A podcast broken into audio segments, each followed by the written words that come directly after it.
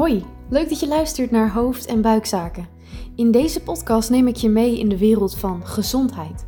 Ik ben gefascineerd door de werking van ons lichaam en die van onze geest, en dan met name hoe deze twee onlosmakelijk met elkaar zijn verbonden. Hierover ga ik in gesprek met interessante gasten en zoek ik naar inspiratie voor een mooi en gezond leven. Ik ga langs bij rouwdeskundige Miep Burger in haar praktijk in Alkmaar om te praten over rouw. Over een specifieke vorm van rouw genaamd levend verlies. Een term die nog vrij nieuw is. Levend verlies is rouwen om situaties waar geen overlijden aan te pas komt, maar waar je wel afscheid neemt. Iets dat mij ook persoonlijk bezighoudt. Voordat ik bij Miep ben, ga ik nog even op pad voor de hoofdvraag op straat. Waar denkt u aan bij het woord rouw? Uh, aan mijn overleden man. Dat blijft gewoon uh, ja, op stip nummer één. Als ik, uh, dan denk ik altijd aan mijn man. Als ik rouw zeg, waar denkt u dan aan? Dan denk ik aan iemand die overleden is. Denk ik.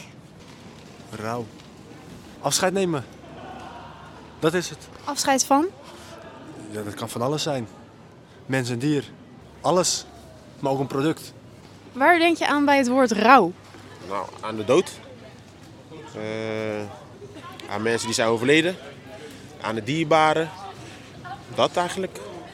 Heb je wel eens van de term levend verlies gehoord? Nee, nog nooit. Klinkt wel interessant.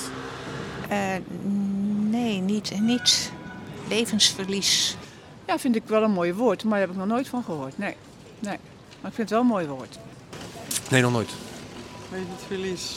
Nee, nog nooit. Dat je breekt bijvoorbeeld met een contact, zo bedoel je dat? Ja, dat, uh, ja. Huh? Alsof ik het heb meegemaakt. ja. ja. ja. U, u, herkent wel de term levensverlies? Ja, zeker. Ik heb uh, um, zeven jaar kanker gehad.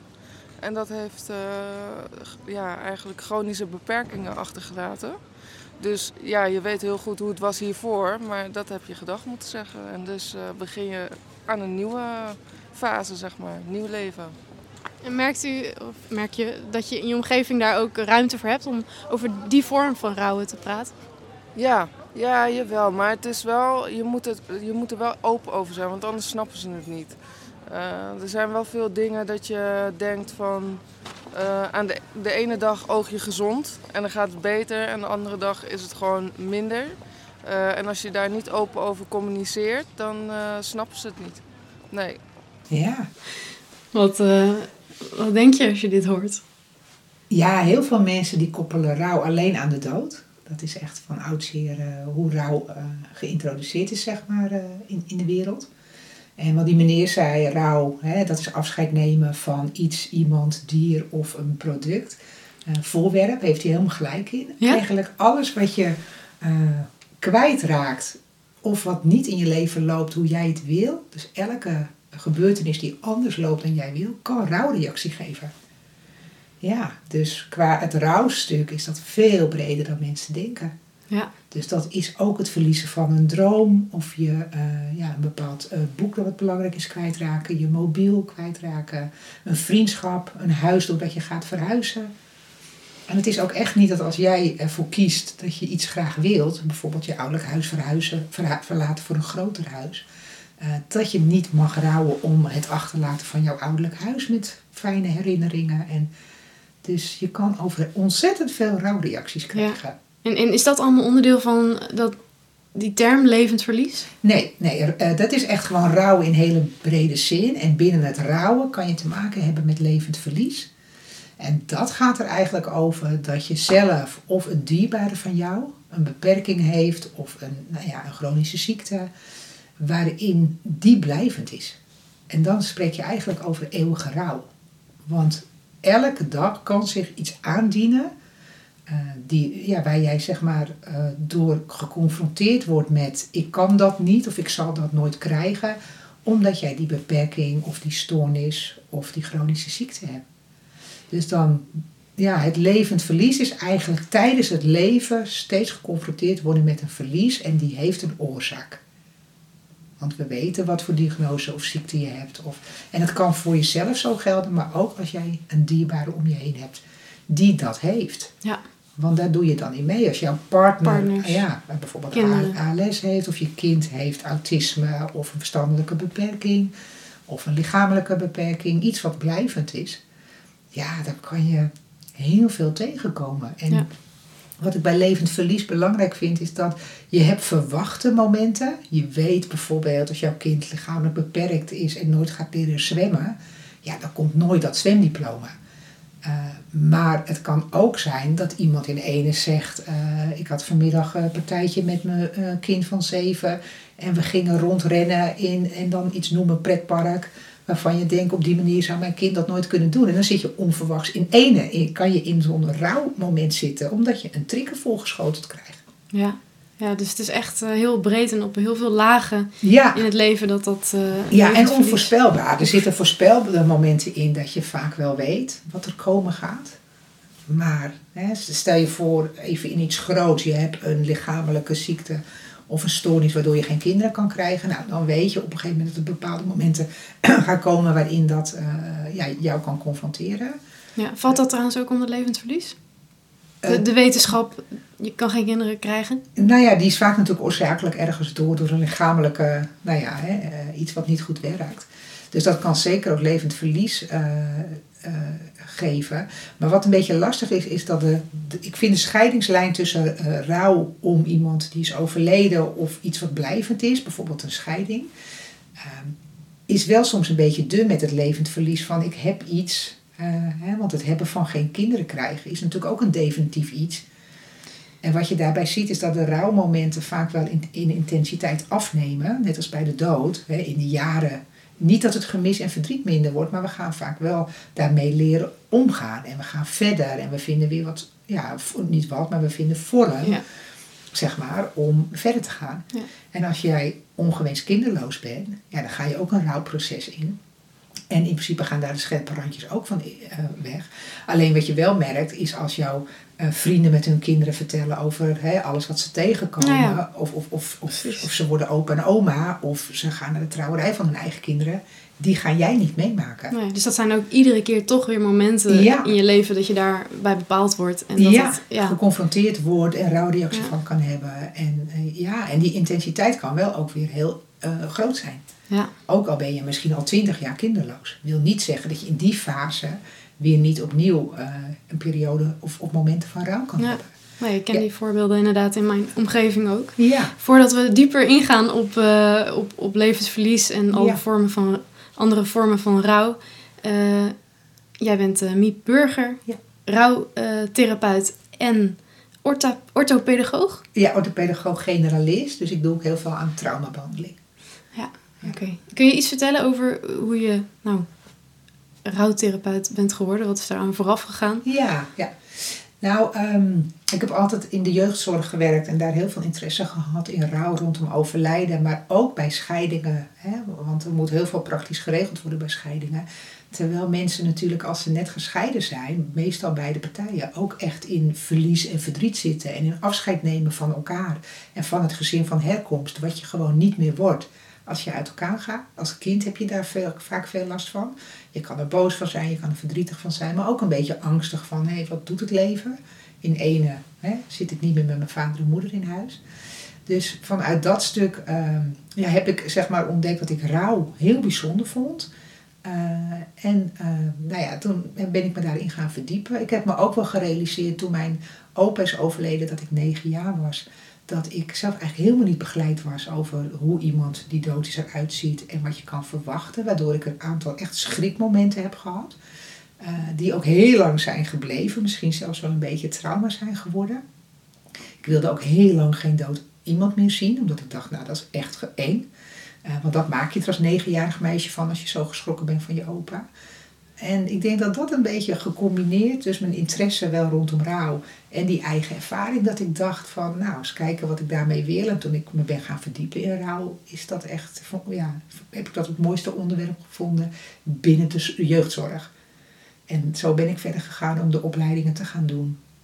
En daarin eh, me helemaal te specialiseren in rouw bij ziekte, chronische ziekte, niet meer beter worden. Nou, daar komt levend verlies helemaal aan bod. Ja. Eh, maar ook het overlijden eh, en alle gevolgen voor de nabestaanden daarvan. Ja. Ja, en iemand noemde contactbreuk. Dat is inderdaad het derde stukje waar ik mee werk. Oké, Contactbreuk waarin kinderen of ouders een van degenen zijn kwijtgeraakt uit hun gezin. Ze hebben geen contact meer.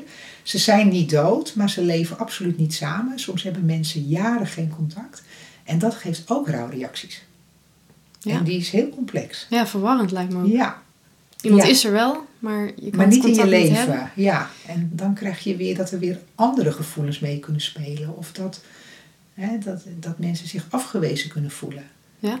Want waarom is iemand niet in mijn leven? Heb ik iets verkeerd gedaan? En zeker als kind. Hè, waar is in mijn jeugd mijn vader of mijn moeder geweest? En, of, nou ja, en dan zie je of dat nou over adoptie gaat of donorschap. Of er zijn naast de scheidingskinderen gewoon ook heel veel situaties waarin je kan zeggen: hé, hey, daar komt een vader of een moeder gewoon een hele periode, doet die niet mee. Nee, dat is zo'n essentieel onderdeel van het leven. Ja, En jij Ja. zegt net eh, dat je in, je in jouw proces dat je erachter komt dat je rouw zoiets moois vond. ja, ja. Maar waar zit, ja, voor de meeste mensen is het misschien iets waar ze liever niet mee te maken hebben. Wat, Nee. maakt dat jij dat, dat jij dat toch zo mooi vindt. vindt?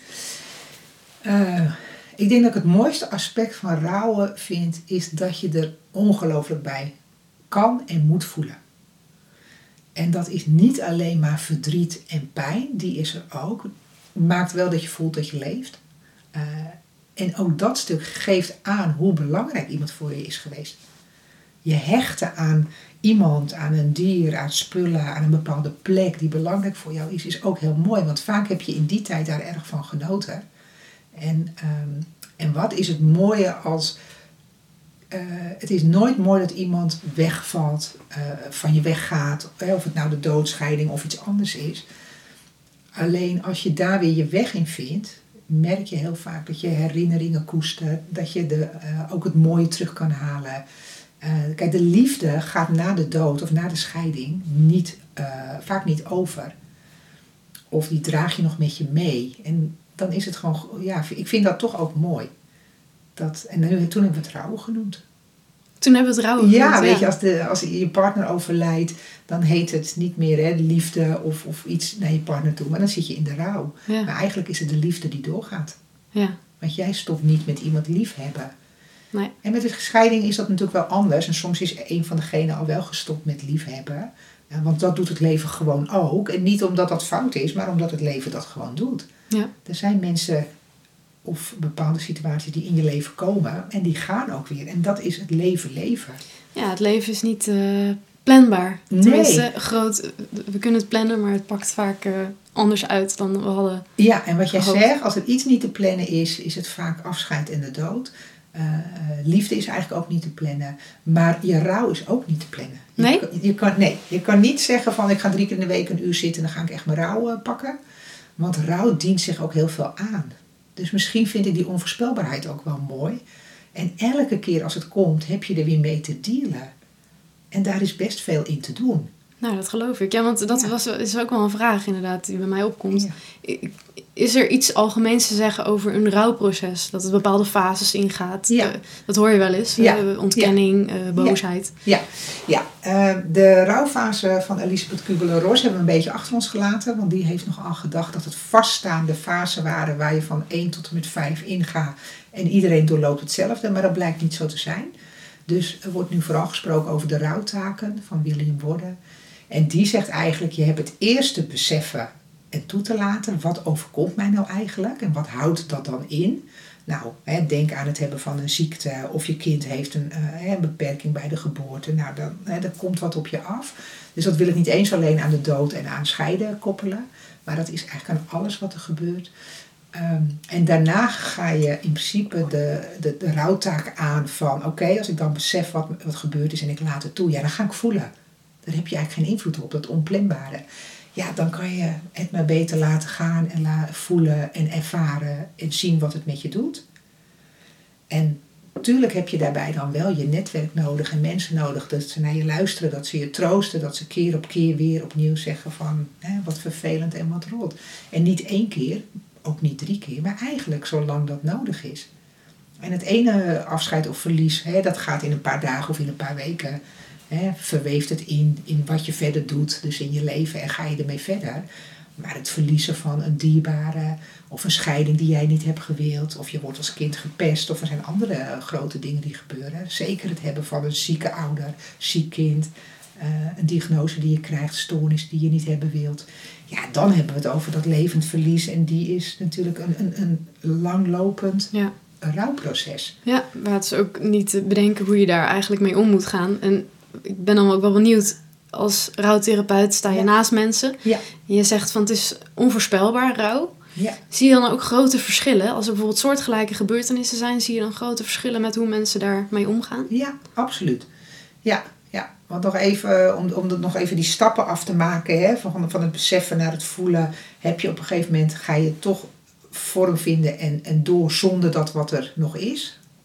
En als laatste heb je toch je toekomst weer in te vullen. Dus die vier stappen, die vier taken zijn er eigenlijk. En een taak betekent dat je er actief iets, iets voor moet doen. En even terugkomend op je vraag. Of je grote verschillen ziet bij, Ja. bij mensen hoe Ja. ze omgaan met eh, Ja, ja. vergelijkbare situaties. Ja, want de een laat het heel erg toe en, eh, eh, en pakt volop de emoties en die kunnen er in alle heftigheid zijn. De ander doet lang over het beseffen. Eh, dat zie je bij kinderen, maar ook volwassenen. Er zijn hier kinderen die zeggen van... was pas een meisje die zei na tien maanden... ik kan nu niet meer doen of mijn moeder op vakantie is. En haar moeder was overleden. Nou, dan ben je zelf jong. En, eh, en dat hoor ik heel vaak. Dat mensen toch denken, er wordt nog een keer aangebeld. Of de, de, telefoon gaat en het is diegene. Dus het beseffen. En het is eigenlijk ook maar goed dat het allemaal niet altijd in ene gaat. Want dan zou je het in ene moeten aankunnen. En als het in stukjes gaat en dat besef geleidelijk gaat, dan doet het al wel zeer. En eh, je voelt er al dingen bij. Maar soms is het te groot. Is je verlies of het afscheid te groot. En dan is het maar goed dat het in stukjes gaat. Kinderen doen dat van nature heel erg. Maar ik zie het ook bij ouders die een kind verliezen of bij andere grote verliezen. En het gaat nooit om, zeg maar, eh, ja, wie je hebt verloren of wat je hebt verloren. Het gaat erom hoe belangrijk iemand voor je is of, of het voorwerp voor je was. Hoe gehecht je aan iets was, want daar rouw je Ja, door. dat bepaalt de, Ja, de, diepte, intensiteit, de, diepte. Ja, ja, ja. ja, en zo heb je heel veel verschillen. De ene heeft zich bijvoorbeeld nooit boos gevoeld in de jaren na een overlijden. En de ander die begint ermee en die zit daar een behoorlijke periode in. Ja. De een kan ontzettend huilen, de ander die blijft alle tranen binnen. Ja, bijzonder. Net zo, ja, ja, net zo goed zeg ik altijd. Hè? Want heel veel mensen, er komen hier mensen letterlijk met de vraag die zeggen... eh, ik huil niet of ik huil nooit. Of ik had echt gedacht, hè, als dat, dat ging gebeuren, dat ik dan heel veel moest huilen. En het komt maar niet. Dan is het bijna een, een vraag, hulpvraag van is dat wel gezond, gaat dat wel goed? Ja. Ja en, wat ik- zeg jij dan?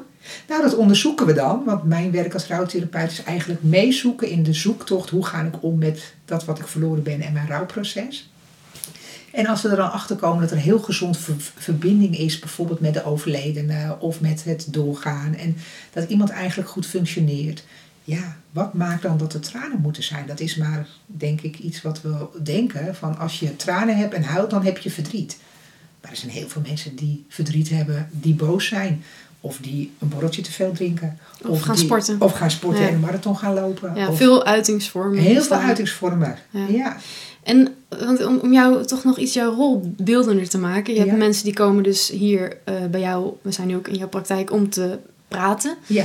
Ehm, maar ik kan me ook zo voorstellen dat je soms naar mensen toe gaat of, of actiever eh, iets praktisch doet. Hoe, wat moet Ja. ik me bij voorstellen bij, jou, bij jouw Ja. rol als rouwtherapeut? Ja, bij de gezinnen waarbij een gezinslid lid ziek is, en dat kan een ouder zijn of een kind, eh, kom ik eigenlijk altijd bij de mensen thuis.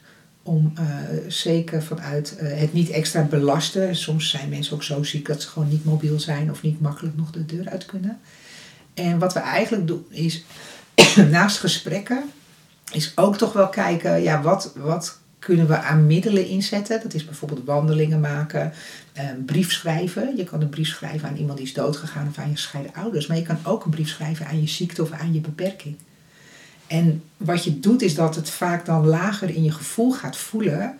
Eh, want heel veel mensen zitten in hun hoofd. Ja. En die denken, ik moet het praktisch regelen en ik moet allemaal hulp vragen. En hè, dan gaan we in de zorg ook alles regelen. Maar wat zo belangrijk is, is dat er ook aandacht is voor de emotionele kant van het levend verlies en van de rouw waar je mee te maken hebt. Eh, en dat is wel wat je bij een rouwtherapeut echt komt doen. Ja. Die komt niet helpen met de praktische zaken, want er zijn genoeg mensen die dat met je meedoen. Hè, van de thuiszorg, eh, nou ja, Ja, familie eh, die familie voor eten zorgt. Ja, ja, er Ja. wordt vaak heel veel wel geregeld. Maar gaan zitten en vragen wat het met je doet, hoe het voor je is. En dat Echt is daar tijd en aandacht voor hebben. Ja, En dan ben jij, hoop ik, of tenminste emotioneel natuurlijk eh, ja, ik ben minder er voor- betrokken. Of niet betrokken. Ja, die afstand heb je dan als Ja. rouwtherapeut, omdat je niet zelf natuurlijk de mensen kent. Hè. Ik wil in principe geen familie begeleiden. En als ik daarbij aanwezig ben, ben je gewoon eh, ja, de zus, de dochter, of hè, dan ben je daar niet als rouwtherapeut. Dus die emotionele afstand heb je. En dat maakt vaak wel juist dat je op het emotionele vlak kan doorvragen, wat verdieping kan hebben. Ehm, en dat je daarin eigenlijk zorgt samen dat er ook gevoeld kan en mag worden. Ja, want als je dan hebt over eh, zo'n eh, voorbeeld van mensen die dan een brief schrijven aan hun ziekte. Ja. eh, Het is als idee of bedoeling om dieper in je gevoel te komen. Maar is Ja. het ook om ehm, ja, je ziekte meer deel van je identiteit te laten zijn? Of, of hoe zeg je dat? Dat je het niet als probeert dat van je zoveel mogelijk van je af te houden. Maar Ja. dat je het... Nou, ja, dat met ziek zeggen mensen dan het, omarmen. Ja, het klinkt altijd Ja, een beetje... omarmen zeg ik ook. Ja. Nou, kijk, ik gebruik heel weinig het woord accepteren. Want dat wordt heel vaak ook met ziekte gezegd. Ja, accepteer dat je schizofrenie hebt of kanker hebt of, of een ander iets wat blijvend is. Eh, accepteer dat en dan denkt de omgeving vaak ook, want dan ben je klaar. Maar dan ben je helemaal niet klaar, zeker niet bij alle blijvende ziektes, waar die levend verlies zo in meespeelt. Want je kan elke dag, week, maand iets tegenkomen waar jij toch een beetje van slag van bent. Of wat toch heel veel met je doet en heel veel impact heeft. Ja. Ehm, dus ik ben er wel heel erg bezig met van eh, hoe geef je het vorm hè, en hoe verweef je het in je leven. Want je gaat het blijvend meedragen. Ja. Dus het is verweven in je dagelijkse dag in plaats van verwerken en accepteren. Want dan, hè, dan denken we klaar te zijn. Dus dat, dat is het eigenlijk niet. De term levensverlies is voor het eerst volgens mij geïntroduceerd in Nederland door Manu Kersen. Ja, Manu Kersa, dat is een rouwdeskundige uit België. Ja. En, En- die heeft het zo genoemd inderdaad. En hij zegt ook, eh, waar hij misschien vroeger, want hij is al heel lang eh, psycholoog. En Ja. vroeger hadden we, het, hadden we het over rouw verwerken. Maar Ja. eigenlijk, het, dat verwerken, dat is verleden tijd. Of achterhaald. Ja, dat is echt zeggen. verweven geworden. Van, je verweeft het in je leven. Hij zegt ook van, het, eh, het zit in je, het, je draagt het bij je. Het is eigenlijk je schaduw. Ja. Net als je schaduw, het loopt altijd met je mee. Maar herken jij dat ook? Dat mensen, dat het niet zo is dat er op een gegeven moment een punt is achter, over, achter eh, rouwen? Ja. Ja, dat herken ik. Want stel je voor dat bijvoorbeeld je, je vader is doodgegaan ongeacht je leven, leeftijd. Ja, dan is dat toch eh, altijd zo. En dat betekent dat er altijd weer momentjes kunnen zijn dat je hem mist. Er kunnen momenten zijn waar je echt heel erg had gewild dat, dat hij erbij zou zijn. Hè? Stel je voor dat, eh, ja, of je nou gaat trouwen, kind krijgt of iets anders doet wat jullie verbindt. Eh, dus eh, het is nooit helemaal klaar. Nee. Het kan wel zo zijn, want dat is ook de bedoeling met rouwen, dat de scherpe randjes eraf gaan, dat het wat draaglijker wordt en dat je je manier gevonden hebt. En daarom is rouw zo uniek, want die manier van hoe draag ik dit verlies en hoe ga ik ermee om en hoe verweef ik het in mijn leven zodat het als mijn schaduw gewoon continu mee kan gaan, ja, dat weten we niet Nee. als er iets heftigs gebeurt of iets groots gebeurt. Maar ik hoor mensen soms wel vragen aan elkaar als, eh, als mensen met eh, verlies of overlijden te maken he- hebben gehad in hun omgeving. Ja. eh, na een tijd van heb je het al verwerkt of Ja. heb je het al een plek gegeven? Ja, dat hoor je Is inderdaad. eh. Is dat een vraag waarvan jij zegt als rouwtherapeut? Dat ik zou hem goede zelf vraag? nooit stellen. Nee. want dan vraag je eigenlijk, ben je er nu klaar mee? Ja. En we willen... Maar dat, dat van dat verwerken, dat begrijp ik dan. Maar heb je het een plek gegeven? Is dat dan wel een, is dat een betere vraag om te stellen? Nou ja, dat impliceert ook een eindpunt. Zo van, dan staat het ergens en dan heb je er blijkbaar niet, geen last meer van. Of niet zoveel last meer van. En dan hoeven we het er misschien niet meer over te hebben. Eh, maar dat is eigenlijk helemaal niet wat het is. Wat voor vraag zou dan eh, als omgeving, welke vraag zou je als eh, Ja. omgeving aan iemand moeten stellen? Nou, moeten, in, in de periode stellen? dat het heel, zeg maar in de eerste jaren bijvoorbeeld, hè, zeker als je iemand verloren hebt, hè, een ouder, een kind of, of nou ja, iemand die heel belangrijk voor je is. Maar ook als je in de eerste tijd van een diagnose eh, of een stoornis, dat je het er maar mee moet doen. Ja, ik vraag sowieso meestal van hoe is het vandaag? Want hoe is het impliceert alles. En in de rouw heb je momenten waarop het best gaat en waarop je er even niet mee bezig bent. Afleiding, heel belangrijk. Je hebt eigenlijk twee dingen te doen in de rouw. Dat is het toelaten en het voelen, maar dan zit je echt op het rouweiland, noem ik dat. En aan de andere kant heb je het eiland van afleiding en doorgaan. En die is net zo belangrijk. En Houden is- in elkaar in balans. ja, ja, maar mensen hoppen van de een naar de andere kant. En dat is ook waarom het zo vermoeiend is. Ze kunnen op hun werk even een dagje eruit zijn en ze rijden naar huis. En ze zien eh, een boom in de bloei, of ze horen een liedje, of ze komen thuis in een leeg huis. En bam, Ja. daar is die rouw weer. Ja, je zegt het vermoeiend, maar hoe, is heel hoe vermoeiend is het? Heel vermoeiend. Rouwarbeid. Ja, rouwarbeid, ja, wat ook Mano Keizer zegt. Ja. Dat is een echt Belgisch woord. Ja, dat is heel mooi verwoord. Kijk, we zeggen altijd ook in Nederland, rouwen is een werkwoord. Maar je wordt van rouwen echt heel moe. Want je, je bewust ben je ermee bezig, maar onbewust gaat het door. Want jouw lijf en jouw hoofd weten altijd dat dat verlies er is. Dus het is eigenlijk een heel vermoeiend proces. Mensen slapen vaak minder goed of onrustig. Wat gebeurt er als je in je bed stapt? Ja, dan gaat je denken vaak die kant op naar dat wat je verloren hebt.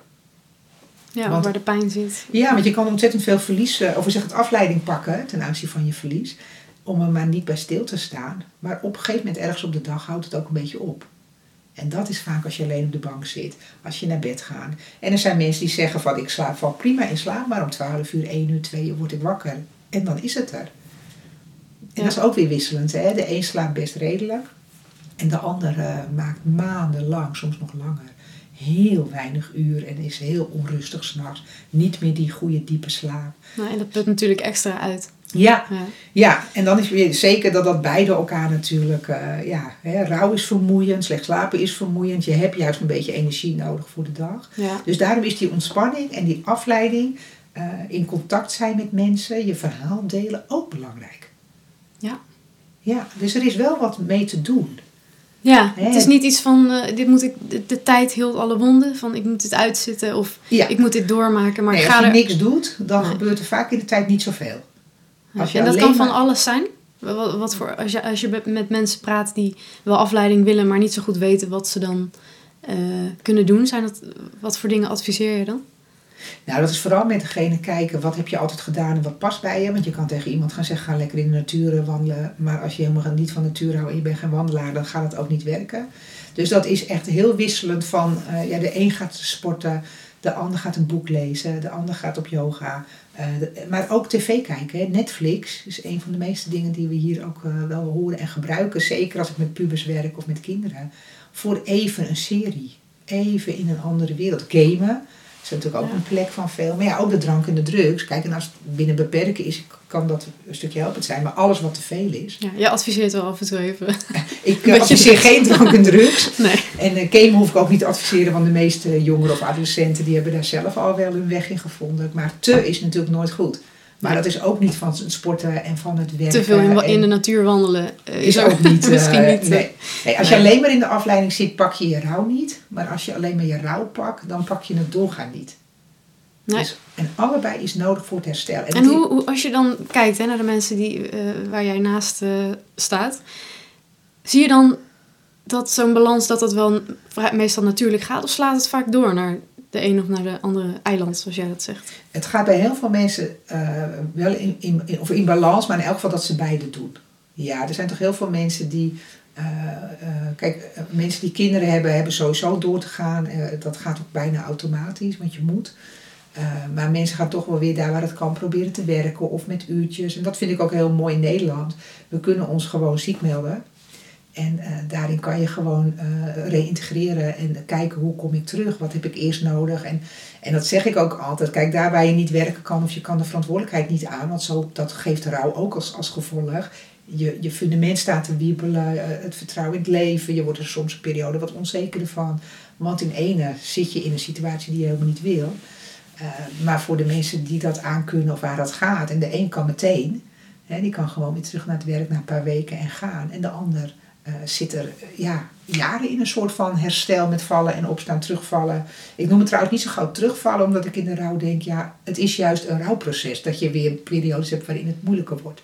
Dat Het is nodig. ja, Terugval voelt als een soort mislukt. Of, Ja, eh, terugvallen is net alsof je verder was en weer terug wordt geworpen in dat proces. Maar ja, rouwen betekent juist van, gaan momentjes oké en dan gaan momentjes zwaar en moeilijk. En op sommige momentjes ben ik intens verdrietig en sommige momenten koester ik alle herinneringen en het blije en de liefde en het mooie wat het was. ja.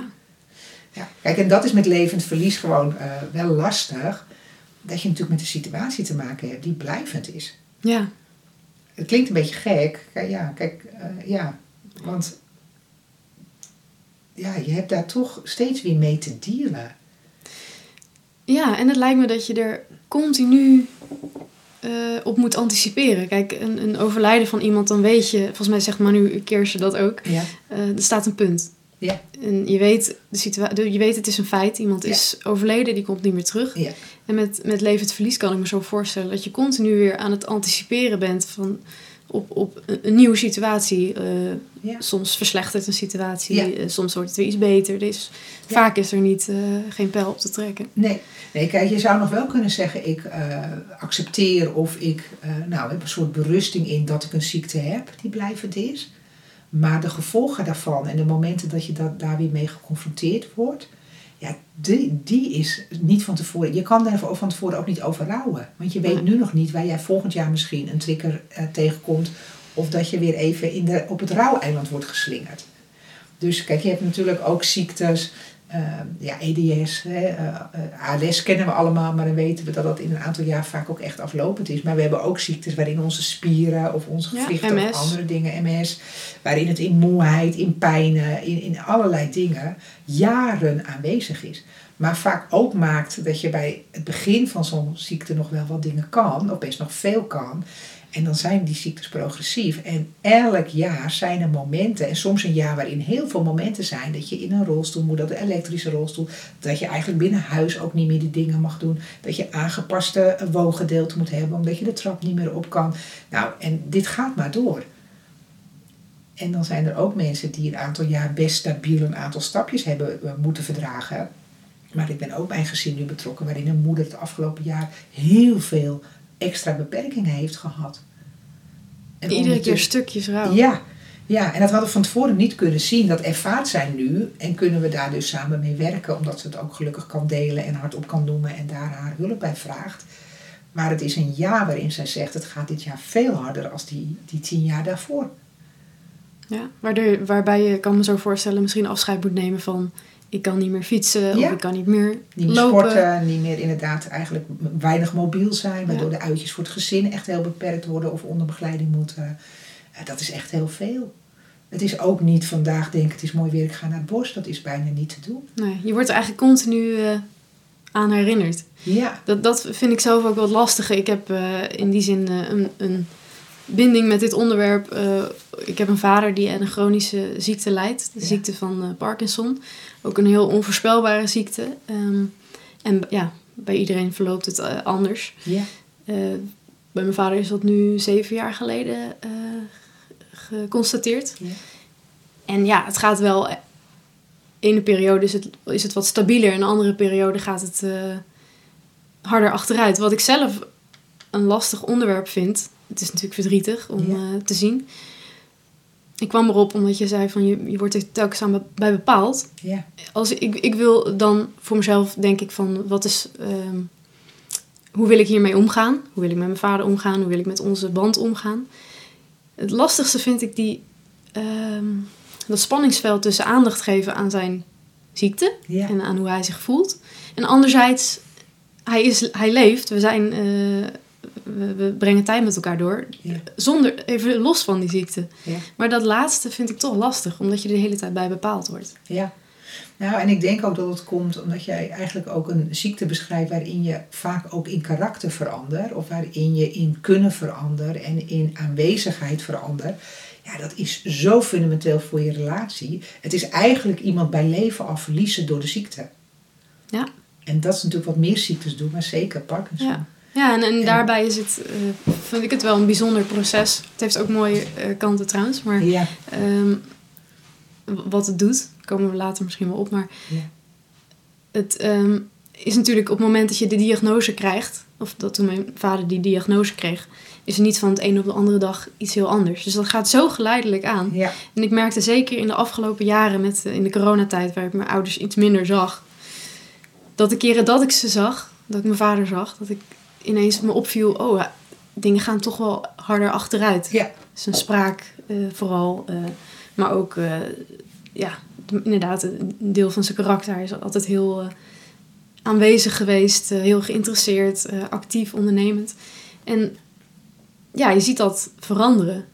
En Ja. pas eigenlijk, want het is nu zeven jaar geleden, maar als je het dan hebt over het levensverlies, dat ik me pas de laatste jaren erachter voor mezelf achterkom van hé, hey, ik ben soms echt verdrietig. Ik voel echt soms dat ik moet huilen als ik daar wegga. Ja. En dan bijna dat ik mezelf daarom veroordeel, want eh, ja, hij leeft. Ja. En, eh, dus maar Ja. moet je nagaan. Ja. eh, En het klinkt of je hiermee zegt van hoe je aan het, ook bij de introductie begon met dat, hè, met de mensen vragen wat is rouw? Of heb je, ken je rouw? Daar werd het natuurlijk voor de meeste mensen gekoppeld aan de dood. Dus dan lijkt het, als je dat doet, dat je inderdaad zegt van ja, heb ik dan wel nu rouw? Mag ik wel rouw? Want mijn vader is er gewoon. Of moet ik niet zeuren? En ja, hij is wel ziek. Ja, nou dat is het dan. exact. En Ja. dat is natuurlijk waarom ik als rouwtherapeut, want ik ben echt van de brede rouw, eh, dat ik inderdaad zeg, ja, maar wacht eens even. Als iemand bijvoorbeeld dingen vergeet, hè, en je ga je daar zorgen om maken, en, en, eh, nou, en dan krijg je op een gegeven moment een diagnose, en dan gaat karakter veranderen, herkennen soms veranderen. Eh, dat, gaat heel, dat geeft allemaal redenen om al te rouwen. We rouwen heel veel als iemand ziek is. En Ja. dan bedoel ik niet een griepje waar je weer van herstel. Kan ook nog zijn dat dat momenten in die week geeft waar je niet naartoe kan. Of waar je niet. Hè. Corona Ja. heeft natuurlijk ook heel veel rouw eigenlijk gegeven.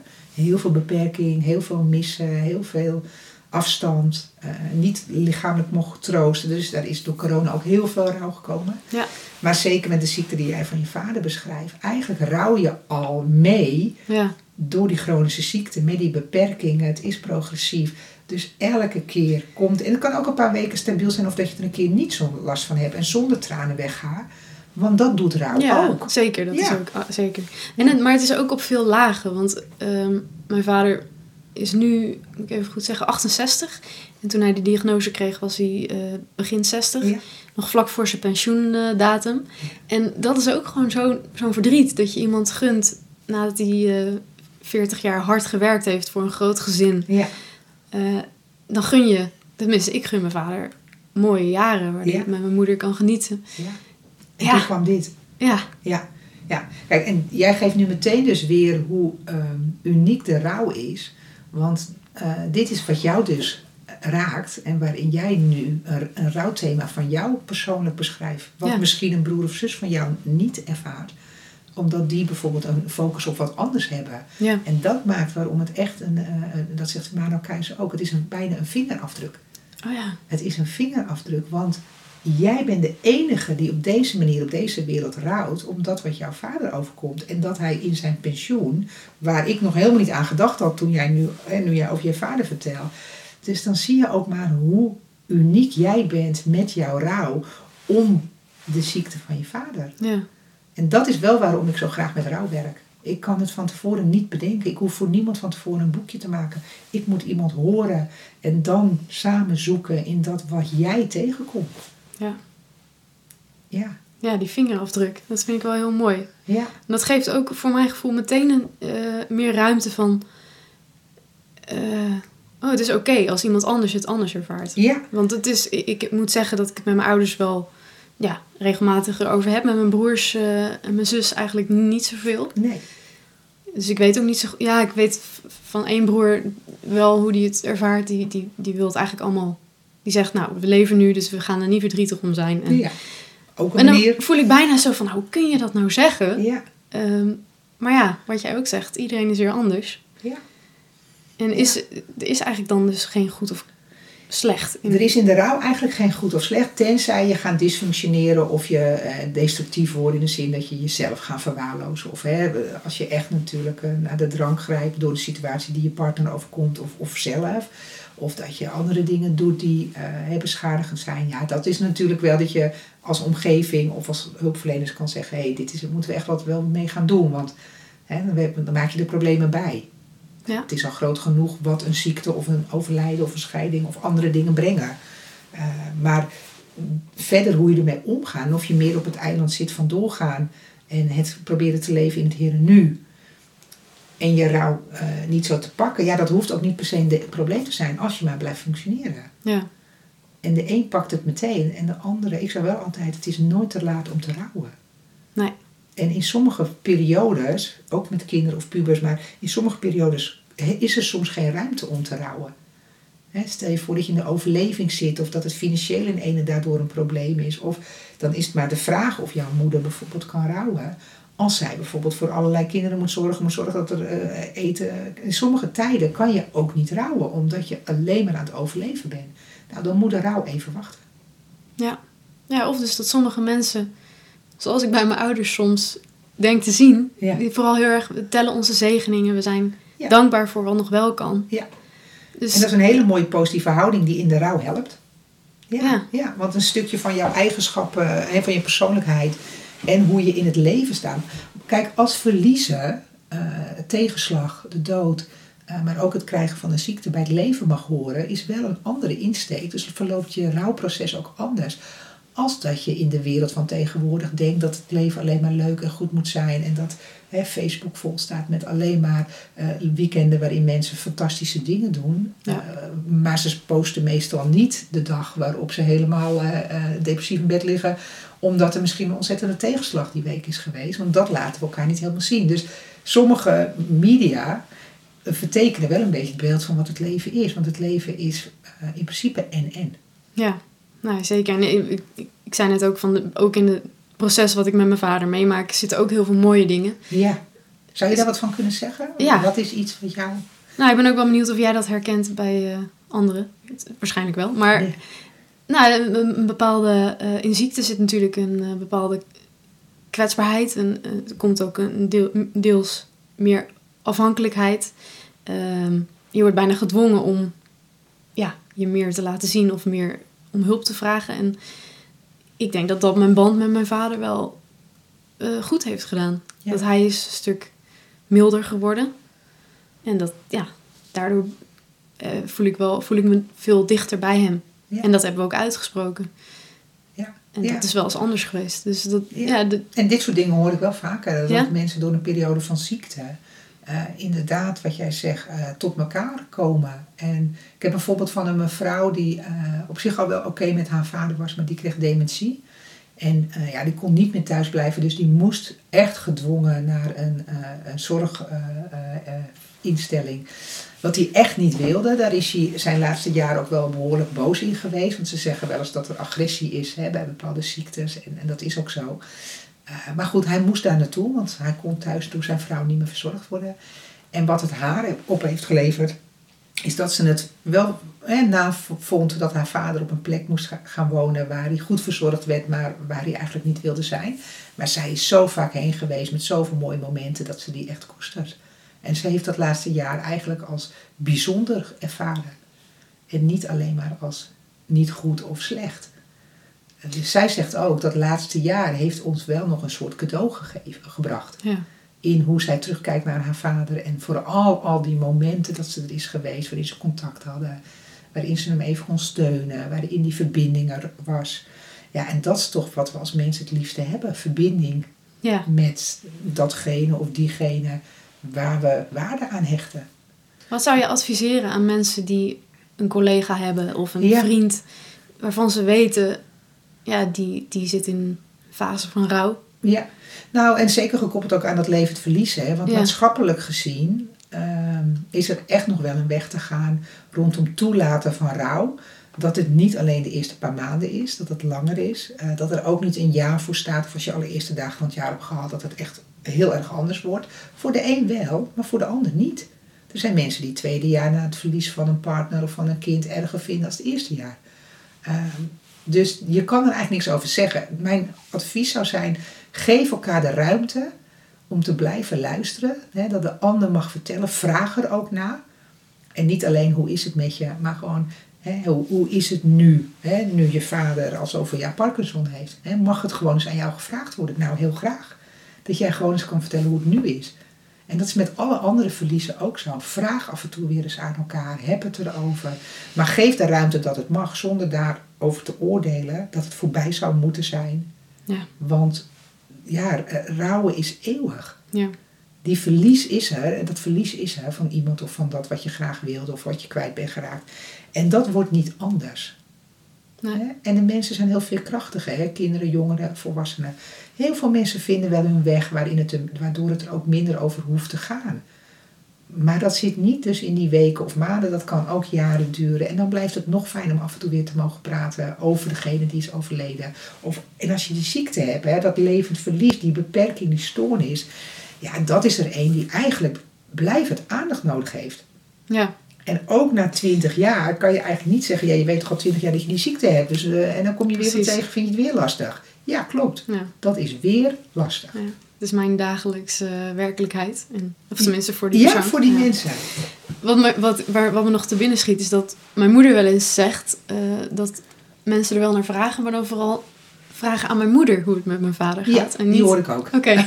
Ja, ja. ja dat, dat is een eh, een prima vraag.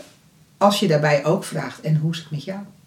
Hoe, Ja. hoe verdraag jij dit? Hoe doe je het? Ja. Hoe lukt het je? Ja. ja, en het toch dan stel, ook, ook stellen aan de, de persoon in kwestie. Ja, juist. Ja. Ja. Hoe spannend dat ook... eh, want ik denk dat het dat daarachter zit. Dat mensen nou ja, veel vinden. mensen eh, ja, die willen vaak de ander niet verdrietig maken. Dus het is vaak ook dat ze denken, ja, misschien ben je nu niet verdrietig en er niet mee bezig. En dan kom ik met mijn vraag. Nou, er zijn meer mensen die mij gezegd hebben, weet je, het is er altijd. Dus ze mogen gewoon vragen. Dus dat is echt. En weet je, iemand kan echt wel zeggen van, joh, nu even niet. En dat is dan niet omdat ze jou afwijzen, maar omdat het bijvoorbeeld even niet het moment is. Of inderdaad even dat moment of de dag waarin ze even niet willen. Maar ehm, je trigger eigenlijk niet in de zin van eh, het is er altijd, want mensen dragen het bij zich mee. Als jouw man Parkinson heeft, kan je het niet vragen, maar jouw moeder weet elke dag dat het er is. Ja. Dus eh, ja, wat kan je meer triggeren door het te vragen?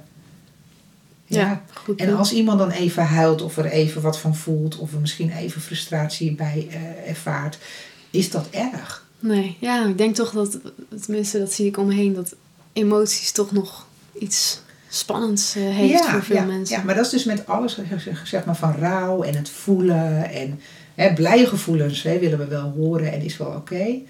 Maar dat heel veel dingen, soms iets blijvends, ja, steeds weer ook andere gevoelens geeft. Of, of, of, eh, ja, of ook gedachten. Hè. Het gaat niet eens alleen om voelen, maar ook denken. En ja, dat hoort er gewoon bij. Ja. Jouw moeder moet er elke dag mee dealen, je vader ook en jij eigenlijk ook. Ja. En het zal de ene dag meer aanwezig zijn dan de andere dag. En zo is het hoe rouw verloopt. Ja. Ja, en dus ook bij levend verlies. Alleen bij levend verlies ja, blijven die momenten dat het er heel erg kan zijn. Omdat het namelijk steeds ook een nieuw moment kan zijn.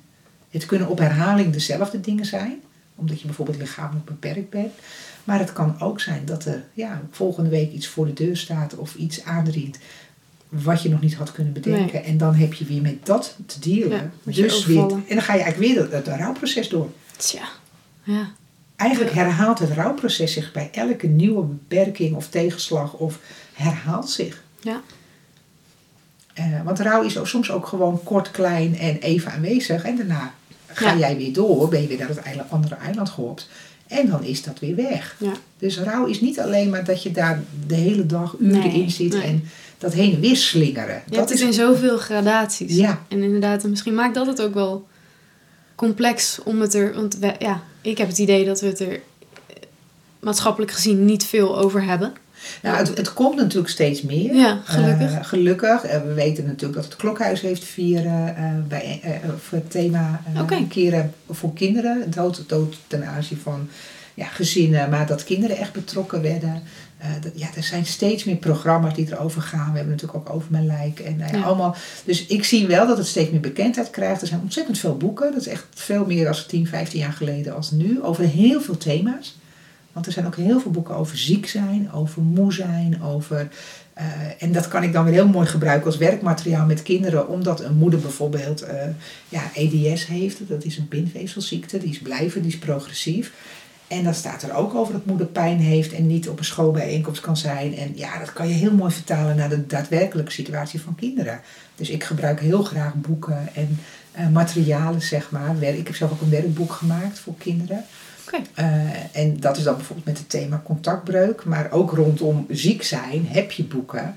Eh, maar we maken anders ook gewoon zelf een werkblad of iets dat je. Want ja, je kan gaan zitten praten, dat is heel goed. Luisteren als hulpverleners of omgeving moeten we allemaal blijven doen. Maar soms is het ook goed om iets te gaan doen. Dat is dat naar buiten gaan, dat is ook uh, uh, ja, met dingen gooien. He, ze mogen hier ook met kussens gooien, uh, maar we gooien buiten ook op een. en dan maken we een kwaadtekening. Zo van: hé, hey, wat, waar ben je allemaal boos van door dat wat er gebeurd is? En misschien zijn er nog wel andere dingen. Dan mogen kinderen en ja. jongeren hier net zo lang met natte spons gooien tot er niks meer van over is.